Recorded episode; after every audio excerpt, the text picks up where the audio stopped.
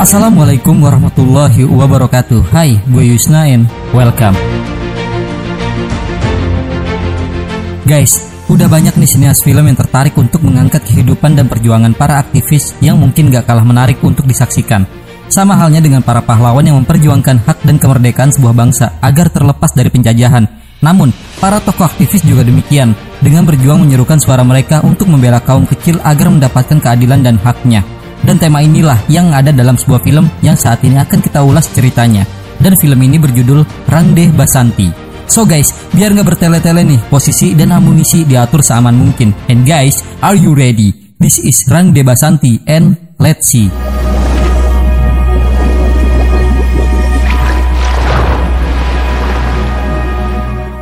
Di dalam sebuah tahanan terlihat beberapa anggota revolusioner yang telah menjadi tawanan bangsa Eropa di mana salah seorang revolusioner bernama Bagat Singh dihampiri oleh seorang pria bernama Mike Henley untuk mengingatkan jika telah tiba waktu untuk dirinya digantung.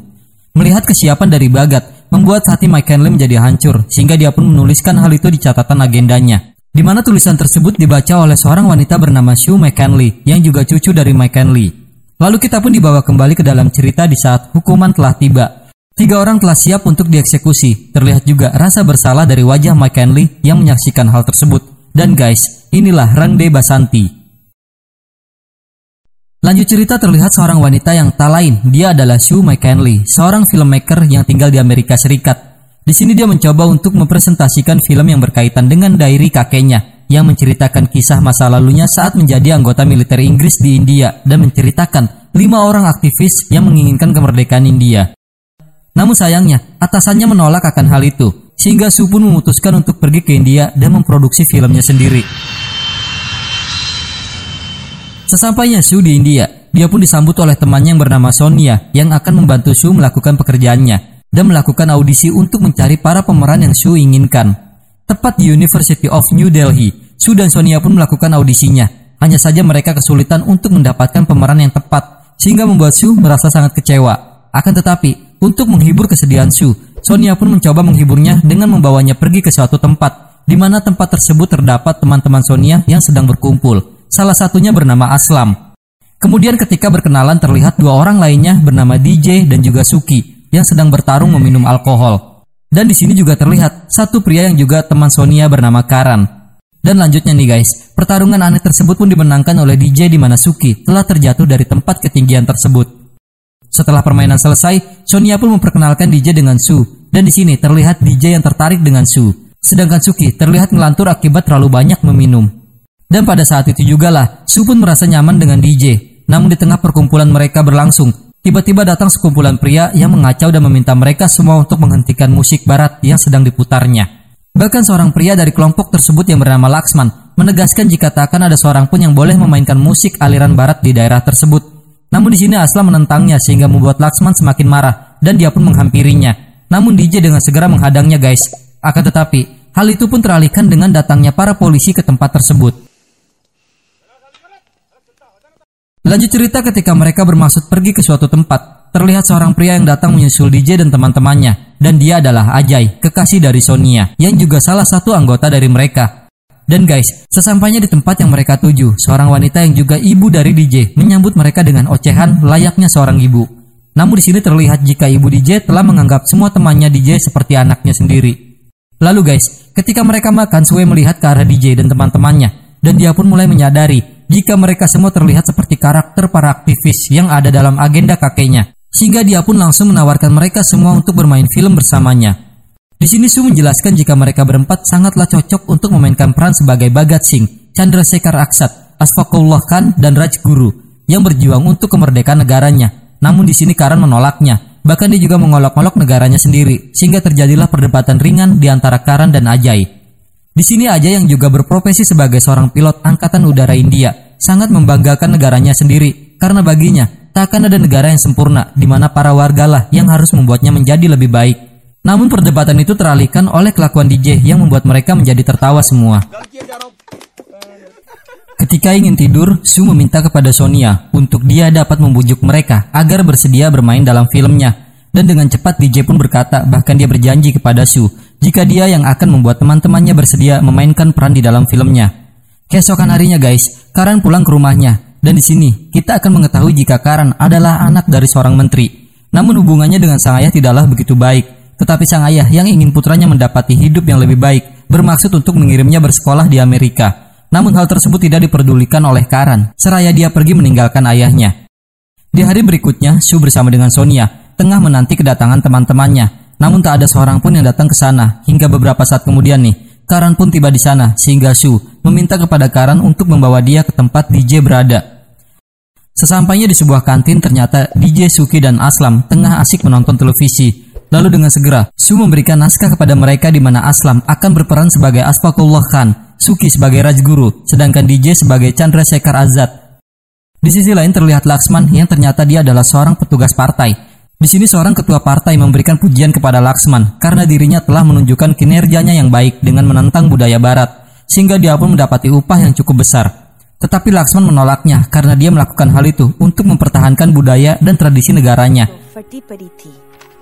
Kembali kepada DJ dan teman-temannya di saat sedang membaca naskah dan dialog akan peran yang dimainkannya. DJ dan Suki malah tertawa, bahkan mereka pun selalu bercanda. Gak hanya mereka berdua guys, Karan pun demikian sehingga membuat Su menjadi sangat kecewa. Namun lagi-lagi, kekecewaan Su teralihkan dengan tingkah DJ yang membuatnya menjadi tertawa. Lanjutnya guys, Su meminta kepada mereka untuk bisa memperdalam karakter yang akan dimainkannya. Tetapi Karan merasa ragu dengan dirinya karena semua itu telah berbeda zaman. Namun Su meyakinkannya dan meminta Karan untuk merasakan setiap kalimat pada naskah tersebut. Bersama dengan itu, Laksman pun datang dan melihat aktivitas mereka dari kejauhan. Dan tentunya, hal itu membuat Aslam merasa terganggu.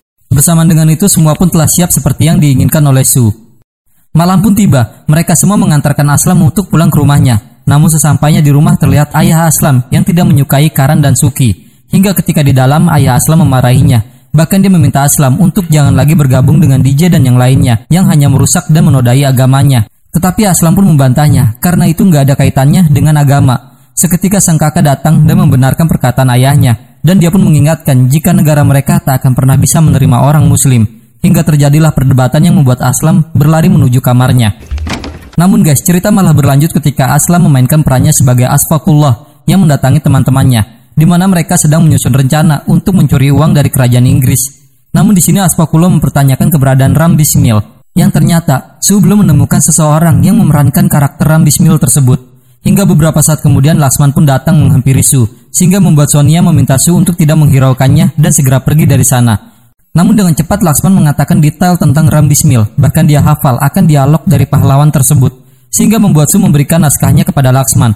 Tetapi Laksman yang telah hafal dengan dialog Bismil terus mengucapkan kalimat demi kalimat tanpa melihat naskahnya. Sehingga Subun memutuskan jika peran Bismil akan diberikan kepada Laksman. Namun hal itu tidak disukai oleh mereka semua, terutama Aslam yang sangat membenci Laksman. Bahkan dia bermaksud untuk mundur jika Su tetap mengajak Laksman dalam proyek tersebut. Seketika Laksman pun tiba di sana dan mendengar semua ucapan Aslam. Akan tetapi, Aslam memilih untuk pergi dari sana, dan hal itu membuat Laksman langsung mendorong Aslam sehingga membuat DJ menjadi marah dan langsung menghajar Laksman hingga terjadilah perkelahian di antara mereka berdua. Su yang melihat itu mencoba untuk melerainya. Sampai di mana? Perkelahian tersebut berhenti karena Su telah berteriak dan memutuskan untuk memberhentikan proyeknya tersebut. Dengan rasa kecewa Su menghancurkan semua susunan di dalam kamarnya. Hingga beberapa saat kemudian DJ pun datang kemudian meminta maaf kepada Su. Dan karena itu adalah film yang sangat Su inginkan DJ berjanji akan membantu menyelesaikan apa yang ingin Su lakukan Bahkan dia menunjukkan kepada Su jika dia dan teman-temannya telah menerima kehadiran Laksman dalam proyeknya tersebut, sehingga membuat Su pun menjadi bahagia.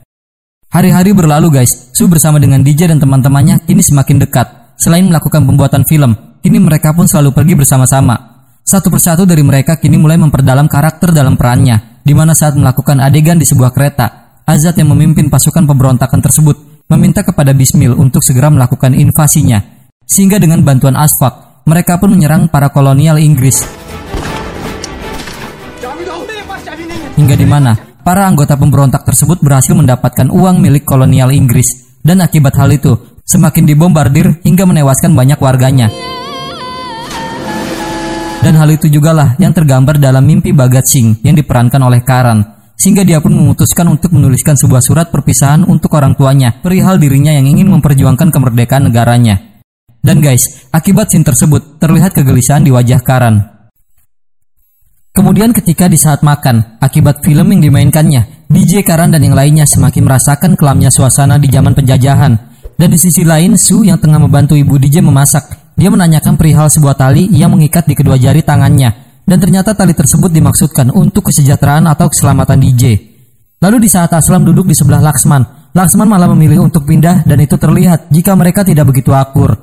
Namun tidak seperti karakter yang mereka perankan guys, yaitu Asfak dan Bismil yang selalu duduk bersama untuk memperjuangkan kemerdekaan negaranya. Hingga beberapa saat kemudian, Aspak meminta Bismil untuk segera lari, yang ternyata para kolonial Inggris telah datang untuk menangkap mereka berdua. Hingga akhirnya, Aspak pun tertangkap, begitu pula dengan Bismil yang juga sudah terkepung. Dan guys, balik ke timeline utama, di sini Ajay mengajak mereka semua pergi ke suatu tempat. Hingga sesampainya di tempat yang dituju, Ajay berkata jika itu adalah tempat di mana dulu dia sering datangi untuk melihat pesawat yang lepas landas. Namun DJ bersama Suki, Karan, dan Aslam, mereka pun berlari bermain-main dengan bahagia. Hingga beberapa saat kemudian, Ajay mengatakan kepada teman-temannya jika itu adalah hari spesial baginya yang ternyata guys, dengan sebuah cincin di hadapan teman-temannya Ajay pun melamar Sonia. Mendengarnya, DJ dan yang lainnya menjadi sangat bahagia sehingga setelah cincin dipasangkan di jari Sonia, rasa haru bahagia mengiringi air mata Sonia yang jatuh. Dan guys, kembali ke masa penjajahan atau film yang mereka mainkan. Di sini Bismil didatangi oleh Mike Kenley untuk menanyakan para teroris lainnya termasuk Azad namun Bismil membantahnya jika mereka bukanlah teroris, melainkan para revolusioner. Waktu terus berjalan, semakin membuat hati Michael Lim menjadi hancur, menyaksikan siksaan demi siksaan yang mereka rasakan. Tetapi Bismil tidak juga menyerah, bahkan Asfak yang juga tertangkap pun demikian. Dia selalu mendapati siksaan agar dirinya dapat mengatakan keberadaan Azad dan yang lainnya. Di sini Asfak diperingatkan jika mereka yang mayoritas Hindu hanya ingin memanfaatkan Asfak, mengingat dirinya adalah seorang Muslim. Namun Asfak membantah hal itu dan berkata jika mereka tidak berjuang untuk kemerdekaan Hindu, melainkan kemerdekaan India. Setelah memberikan informasi akan hukuman gantung Bismil, Mike Henley merasa semakin bersalah, namun Bismil berkata, jika itu bukan salahnya, karena dia tahu jika Mike Henley hanya menjalankan tugasnya. Dan guys, hukuman Asfak dan Bismil pun telah tiba, hingga akhirnya Asfak pun mendapati kematiannya, sehingga mereka yang menyaksikan scene tersebut menjadi diam tanpa kata. Dan Ajay, yang datang ke sana pun menjadi bertanya-tanya akan sikap diam dari teman-temannya. Bahkan dia berkata pada Su jika itu kali pertamanya dia melihat keseriusan pada teman-temannya. Namun Su menjawabnya jika mereka mulai masuk ke dalam karakter yang mereka perankan. Lanjutnya, mengingat jika itu adalah hari terakhir Ajay, di mana dirinya akan bertugas, dia melakukan pesta kecil-kecilan di suatu tempat. Namun mereka semua menjadi sangat diam dan mulai merasakan kelamnya masa penjajahan. Tetapi Su mencoba mencairkan suasana hening tersebut, hingga mereka pun kembali berbicara. Di sini Aslam memuji Ajay akan profesinya, tetapi Ajay berkata jika semua orang bisa melakukan sesuatu dengan hasratnya. Hanya saja banyak dari mereka yang belum menemukannya, seperti para revolusioner yang memiliki hasrat terhadap kemerdekaan negaranya. Tetapi Karen membantah hal itu, melihat perjuangan Azad dan Bagat yang memberikan hidupnya untuk negaranya, tapi itu semua menjadi sangat sia-sia. Sonia yang tersinggung pun membantahnya, mengingat kekasihnya Ajay yang untuk saat ini sedang berjuang demi negaranya, tidak ingin jika pekerjaannya terbilang sia-sia. Namun maksud perkataan Karang adalah para pemerintah yang memainkan sistem, bahkan korupsilah yang menyanyiakan perjuangan para pahlawan. Lalu Ajay pun berkata jika sangat gampang untuk duduk di luar dan mengkritik, menyalahkan orang lain bahkan lebih gampang. Kemudian Ajay pun bertanya kenapa Karang tidak pergi dan mengubah sesuatu, bergabung dengan politik atau kepolisian misalnya, kemudian sapu bersih semua yang kotor. Tetapi Karang tetap membantahnya, bahkan dia berkata jika itu sama saja, seperti Ajay yang berusaha untuk pergi ke makamnya. Dan hal itu dibenarkan oleh DJ, hanya saja cara pemakamannya yang berbeda, di mana Ajay akan mendapati kehormatan ketika mati dan ditutup dengan bendera negaranya. Sedangkan mereka hanya mendapati kain kafan putih yang membungkus seluruh tubuhnya. Namun lagi-lagi guys, DJ mencairkan suasana tersebut dengan mempraktekkan upacara kematian anggota militer dan mengangkat Ajay. Lanjut cerita keberangkatan Ajay untuk bertugas pun telah tiba. Kini mereka semua berkumpul di rumah Ajay untuk mengucapkan selamat jalan kepada Ajay. Lalu kembali guys ke masa penjajahan di mana para pejuang India melawan para kolonial Inggris dan melakukan peperangan hingga menewaskan seorang pria bernama Lala Lajpat Rai. Sehingga Azad memutuskan untuk mengambil tindakan yang tegas. Dengan begitu Durga memintanya untuk membunuh kolonial tersebut. Dan dengan begitu guys, Azad, Rajguru, serta Bhagat Singh bersiap untuk mengeksekusinya. Bahkan mereka berhasil membunuhnya. Dan rencana selanjutnya, Bhagat memutuskan untuk menyerahkan dirinya agar dapat mendapatkan kesempatan berbicara di pengadilan sehingga mereka pun kembali melakukan penyerangan. Dengan begitu guys, Bagat dan Rajguru pun tertangkap. Lalu kita kembali ke timeline utama di saat mereka berkumpul di sebuah kantin. Namun kabar buruk pun terdengar dari salah satu media di televisi yang memberitakan jika pesawat tentara India telah jatuh, di mana pesawat tersebut dikendalikan oleh seorang pilot yang tak lain dia adalah Ajay, hingga menewaskan Ajay yang terbakar di dalam pesawat tersebut. Di sini berita itu menjelaskan jika Ajay menjatuhkan pesawatnya di sebuah ladang terbuka untuk menghindari jatuhnya pesawat di pemukiman warga. Dengan begitu banyak warga yang selamat. Kabar tersebut tentunya membuat Sonia menjadi sangat histeris. Dan guys, apa yang dikatakan DJ dan teman-temannya kini menjadi kenyataan di mana Ajay akan dimakamkan dengan upacara penghormatan. Begitu juga jenazahnya yang dibalut dengan bendera negaranya. Rasa sesal dari orang terdekat Ajay mengiringi jalannya upacara pemakaman. Kobaran api membesar bersamaan dengan jatuhnya air mata dari orang-orang terdekat Ajay. Dan ternyata guys, dalam 10 tahun terakhir, sudah lebih dari 100 pesawat tempur yang mengalami kecelakaan dan lebih dari 30 orang pilot kehilangan nyawanya dan hal itu dipertanyakan langsung kepada Menteri Pertahanan akan cacatnya onderdil pesawat yang diperoleh dari pemerintah dan mengasumsi jika itu adalah kasus korupsi tingkat tinggi. Namun di sini Menteri Pertahanan mengelak akan hal itu. Bahkan dia malah menyalahkan Ajay yang sudah tidak bertanggung jawab ketika menerbangkan sebuah pesawat. Dan guys, pernyataan tersebut dibantah tegas oleh pelatih Ajay mengingat Ajay adalah peraih medali emas dan memiliki pengalaman yang luas. Bersama dengan itu, mereka yang menyaksikan pemberitaan tersebut telah kedatangan beberapa anggota militer yang datang untuk mengembalikan peralatan Ajay, sehingga membuat ibu dan Sonia merasa sangat sedih. Dan karena mendengar ucapan Menteri Pertahanan yang berkata jika Ajay adalah pilot yang gegabah, membuat mereka semua menjadi sangat marah. Dan satu lagi kebenarannya guys, ternyata menteri tersebut juga telah melakukan tindak korupsi bersamaan dengan ayah Karan. Sedangkan di sisi lain, DJ dan teman-temannya melakukan unjuk rasa dengan para warga lainnya yang merasa kecewa karena pemerintah telah memutarbalikan fakta sebenarnya, di mana yang sebenarnya adalah kualitas onderdil pesawat yang tidak begitu baik. Dan unjuk rasa tersebut juga telah disiarkan di berbagai media, sehingga pemerintah memerintahkan para polisi untuk membubarkan demonstrasi tersebut. Di sini banyak para warga yang berlarian, namun tidak dengan DJ dan yang lainnya yang memilih untuk tetap diam, sehingga mereka mendapatkan perlakuan kasar dari para polisi. Tidak hanya Aslam, Suki, dan juga Karan, Ibu dan Sonia pun demikian. Kemudian ketika Laksman melihat ke arah di mana Aslam dipukuli, dia pun menjadi marah sehingga dirinya dengan segera membantunya dan memukuli seorang polisi di sana. Dan guys, akibat hal tersebut ibu Ajay mengalami luka yang parah hingga harus dilarikan ke rumah sakit. Di sisi lain, Laksman yang merasa kecewa dengan ketua partai yang hanya diam pun mempertanyakan tindakannya. Namun pilihannya untuk diam adalah untuk menyelamatkan reputasi partainya, di mana dia hanya memiliki rencana yang besar untuk partainya. Sehingga hal itu membuat Laksman melontarkan perkataan yang membuat ketua partai tersebut marah. Bahkan dia juga mendapati berbagai pukulan dari anggota partai di sana. Kemudian ketika Laksman datang ke rumah sakit, dia belum mendapati kabar jika ibu Ajay mengalami koma, sehingga hal itu membuat Sonia semakin sangat sedih. Dan guys, scene menggambarkan ketika para pasukan Inggris memborbardir warga India. Di sini terlihat jika pemimpin kolonial telah berubah menjadi menteri pertahanan, sedangkan para warga yang dibunuh telah menggambarkan jika itu adalah Ajay, Kamuflase yang memperlihatkan potret jika penjajah masih terus berlanjut hingga masa kini. Dan itu pun ada pada mimpi Karan. Hingga keesokan harinya, mereka pun berkumpul kembali dengan penuh rasa kecewa. Namun guys, dialog Azad akan pengambilan tindakan kini diucapkan oleh DJ. Bahkan Sonia pun sama yang mengeluarkan perintah serupa dengan dialog Durga. Namun itu ditentang oleh Suki, mengingat dia adalah seorang menteri. Bahkan Karan pun demikian. Karakter bagat yang diperankannya kini sudah merasukinya sehingga Suki yang ketakutan akan pengambilan tindakan teman-temannya terus membantahnya. Namun kini mereka telah membulatkan keputusannya dan bermaksud untuk melakukan tindakan sebagai seorang aktivis. Hingga tibalah saat mereka melakukan rencananya, terlihat DJ bersama Karan dengan sepeda motornya. Menteri tersebut pun berjalan di tepi jalan, sehingga dengan sebuah pistol, DJ melesatkan timah panasnya hingga membuat menteri tersebut kehilangan nyawanya. Dan Su yang melihat berita atas penembakannya tersebut mulai memahami jika itu adalah perbuatan teman-temannya. Mereka yang menyaksikan pemberitaan akan kematian menteri tersebut merasa kecewa karena kematiannya, malah menjadikannya sebagai pahlawan karena kontribusinya terhadap negara. Dan guys, di dalam pemberitaan itu, media telah menemukan rekaman komunikasi menteri itu dalam transaksi persenjataan. Dan ternyata orang yang terlibat adalah ayah Karan. Sedangkan di sisi lain, Su berusaha mencari keberadaan teman-temannya. Bahkan dia pun mendatangi rumah Aslam dan juga ibu DJ di sini si ibu mencoba untuk menenangkan Su yang sangat merasa khawatir dengan mengingatkan jika DJ sudah terbiasa tidak pulang ke rumah selama berhari-hari sehingga Su pun mulai merasa tenang. Kembali ke DJ dan teman-temannya, mereka yang sedang merasa kecewa akan penganugerahan kematian menteri dengan bintang kehormatan nasional membuat usaha mereka terasa sia-sia. Dengan begitu DJ bermaksud untuk mengatakan yang sebenarnya kepada publik dengan menyerahkan diri dan mengakui perbuatan mereka. Sonia pun membantah tujuan DJ, mengingat jika para polisi adalah boneka pemerintah. Namun bagi Laksman, keputusan DJ adalah hal yang tepat. Seketika Suki pun berdiri dan membentak Laksman.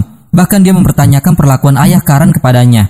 Sehingga DJ terpaksa melerai Suki. Dan guys, perkataan Suki membuat Karan menjadi sedih. Dan Suki yang terus berteriak karena merasa ketakutan harus menerima tamparan keras yang dilayangkan oleh DJ. Sedangkan Laksman, dia mencoba untuk menenangkan Karan. Malam pun tiba, DJ mengantarkan Karan pulang ke rumahnya di mana Karan ingin tahu kebenaran perihal perlakuan ayahnya. Kemudian ketika di dalam, sang ayah yang tahu jika Karan terlibat akan kematian menteri, dia meminta kepada Karan untuk menyebutkan beberapa nama agar Karan dapat diselamatkan dan segera pergi meninggalkan India. Namun Karan hanya diam dan mempertanyakan kenapa sang ayah melakukan tindak korupsi dengan membeli persenjataan negara dengan harga yang murah. Lalu dengan air matanya yang jatuh, dia menyesali keputusan ayahnya di atas kematian temannya dan membuat sebuah lelucon atas kematian Ajay. Namun sang ayah meminta Karan untuk tenang dan dia pun memeluk putranya. Keesokan paginya, ibu DJ terbangun dari tidurnya dan dia pun mulai menyadari jika putranya dalam bahaya karena tali yang dia ikatkan di jarinya kini sudah terlepas. Sedangkan di sisi lain, Karan pun tiba di mana DJ dan yang lainnya telah menantinya. Dengan rencana yang mereka persiapkan, mereka pun berjalan melangkah dan itu menggambarkan jika karakter dalam peran yang mereka mainkan kini benar-benar telah merasuki mereka semua. Hingga sampai di sebuah stasiun radio, mereka membagi tugasnya di mana Suki, Laksman dan juga Aslam berjaga di ruang tunggu. Sedangkan DJ dan Karan masuk ke dalam ruangan penyiar yang ternyata mereka menemui teman Karan yang menjadi pembawa acara. Di sini Karan meminta temannya tersebut untuk membawa dia dalam siarannya. Namun hal itu malah ditertawakan oleh pria tersebut sehingga DJ terpaksa mengacungkan pistol ke arahnya. Dan itu membuat salah seorang yang melihatnya menjadi sangat panik. Dan dengan begitu guys, DJ meminta semua yang berada di sana untuk segera keluar. Sehingga terjadilah kepanikan di tempat tersebut. Setelah semua pintu masuk terkunci dan tempat menjadi sunyi, Karan pun melakukan siarannya. Di sini dia mengakui jika dia dan teman-temannya telah membunuh Menteri Pertahanan dan siaran tersebut didengar oleh Su yang berada di dalam taksi. Karan menjelaskan jika perlakuan mereka tidak didukung siapa pun dan bukan juga anggota teroris, melainkan mereka hanya lima mahasiswa yang membunuh karena menteri tersebut telah membunuh temannya yaitu Ajay. Bahkan menteri tersebut juga mencoreng nama Ajay. Dia pun menyesali perbuatan seorang menteri yang diharapkan untuk melindungi bangsanya, tetapi malah menjualnya. Dia juga berkata, jika menteri tersebut bukan hanya terbebas dari hukum, tetapi juga dapat mengendalikan hukum. Dan guys, itu pun didengar oleh banyak warga sehingga para media pun mendatangi stasiun radio tersebut. Dan Karan, yang telah usai melakukan siarannya, dia pun menghampiri teman-temannya. Rasa puas di antara mereka membuat mereka saling berpelukan satu sama lain. Bahkan Karan pun memaafkan perlakuan Suki terhadapnya kemarin. Namun di tengah kebahagiaan mereka, Kara mendapati banyak panggilan dari publik. Bersama dengan itu, para polisi pun tiba di sana, sehingga DJ meminta Karan untuk melanjutkannya, sedangkan dia dan yang lainnya berjaga di luar. Dan seketika guys, sebuah bom asap masuk ke dalam hingga mereka pun terpaksa keluar. Namun ketika di luar, mereka malah mendapati serangan dan itu membuat Suki menjadi sangat panik. DJ pun beranggapan jika para polisi tersebut telah menganggap mereka seperti teroris hingga dia pun mencoba berdiri dan mengangkat tangannya. Dan itu malah membuat DJ mendapati tembakan yang mengenai tubuhnya. Sehingga Suki yang ketakutan pun langsung berdiri dan dengan terpaksa dia mendapati berbagai timah panas yang mengharuskannya menjadi tewas. Sedangkan Aslam bersama dengan Laksman mencoba menutup pintu di lantai atas, tetapi seketika sebuah bom meledak tepat di balik pintu hingga membuat mereka terpental dan dalam keadaan sekarat nih guys. Mereka melihat bayangan Asfak dan Bismil yang mereka perankan kini telah mendatanginya dan menatap ke arahnya. Bersama dengan itu mereka pun telah tewas. Di sini media sangat menyayangkan tindakan para aparat yang menggunakan peluru kepada para mahasiswa tersebut. Dan guys, kembali terlihat gambaran Azad yang melakukan perlawanan terhadap penjajah. Dan itu serupa dengan DJ yang berlari melewati tentara karena melawan sistem pemerintah. Hingga dia pun terkena tembakan tepat di kakinya. Gambaran Azad yang telah terpojok dengan satu peluru di tangannya bersandingan dengan DJ yang penuh akan luka di tubuhnya. Senyuman mereka mengiringi kematian Azad bersama dengan itu. Para polisi pun telah berhasil masuk ke dalam stasiun radio tersebut. Sedangkan Karan mendapati sebuah pertanyaan dari seorang penelpon yang mengatakan jika perlakuan dia dan teman-temannya tak akan pernah merubah negaranya. Namun Karan menjawabnya jika tak akan ada negara yang sempurna, di mana para wargalah yang harus membuatnya sempurna. Dan itu adalah perkataan dari Ajay terhadapnya. Kemudian orang tersebut pun bertanya, bagaimana dengan ayah Karan yang terlibat dalam transaksi persenjataan negaranya? Apakah dia pantas dihukum juga? Dan guys, scene flashback pun diperlihatkan di mana pada saat Karan memeluk ayahnya, yang ternyata dia juga telah membunuh ayahnya sendiri dengan pistol di tangannya. Dan hal itu juga telah diketahui oleh DJ, sehingga dia pun menjelaskan kepada penelpon tersebut jika Karan telah membunuh ayahnya sebelum dirinya berada di sana. Di sisi lain, Su mendengar perbincangan Karan dengan DJ melalui radio di dalam taksi. Di sini DJ mengatakan jika Laksman, Suki, dan Aslam telah tewas. Kemudian di saat Karan merasa sedih, DJ berkata jika dirinya telah jatuh cinta kepada Su dan diambang ajalnya guys. DJ malah bercanda jika dia mulai bingung akan warna kulit anaknya nanti, apakah hitam atau putih. Tangisan Su yang mendengar ucapan itu mengiringi tawa lepas dari Karan dan DJ, sehingga Su pun berlari dan berusaha untuk masuk ke dalam stasiun radio tersebut. Namun guys, mereka yang masih terus tertawa pun akhirnya tewas di mana para polisi telah tiba di sana. Sedangkan di sisi lain, Ibu Ajai pun kini telah melewati masa komanya, sedangkan Ibu DJ hanya meratapi kematian putranya. Dan para warga menjadi sangat marah atas tindakan pemerintah yang memperlakukan mereka seperti teroris, yang padahal mereka hanya menginginkan sebuah keadilan dari berbagai wilayah melakukan protes dan perlawanan terhadap pemerintah dan menuntut akan hukuman para koruptor. Dan guys, di akhir cerita seorang pria bersama dengan anaknya tengah menabur benih mangga. Di sini dia menjelaskan jika dirinya menanam satu, maka akan tumbuh seribu. Dan gak lama kemudian, bayangan dari lima aktivis itu pun mendatangi anak tersebut. Dan ini adalah sebuah potret jika kematian mereka akan membawa perubahan pada negaranya dan terus melawan sistem pemerintahan yang korup. Dengan begitu guys, film pun berakhir. Oke okay guys, Rang Deba Santi adalah sebuah film drama India tahun 2006 yang ditulis dan disutradari oleh Rakesh Om Prakash Mehra. Menceritakan tentang seorang filmmaker asal Inggris yang idealis menyeleksi sekelompok aktor pelajar dalam drama dokumenternya tentang revolusi India melawan kekuasaan Britania di tahun 1920-an. Kejadian yang dipaparkan dalam Rang Deba Santi terbilang sangat apik, dan ini juga merupakan cerminan atau tepatnya sindiran atas apa yang sebenarnya terjadi di India sendiri, terutama politiknya yang jauh dari kata bersih alias korupsi layaknya yang terjadi di negara Gak hanya alur ceritanya yang apik, para aktor dan aktris pun memainkan perannya dengan begitu baik. Humor, klise, ketidakpedulian anak muda, budaya, agama, serta politik, semua terkemas menjadi satu paket yang sempurna. Dan guys, di sini telah terlihat jelas jika kemerdekaan tidak diberikan begitu saja oleh pihak penindas. Karena itu, sang tertindaslah yang harus memperjuangkannya hingga sampai titik darah penghabisan. Oke guys, mungkin cukup sampai di sini perjumpaan kita dan seperti biasa, jika kalian suka like, nggak suka silahkan dislike. Komen kalau ada kesalahan. Dan subscribe kalau masih mau dengerin ocehan gue. So, gue tutup video ini. See you next video. My name is Yusna Firdaus and thank you.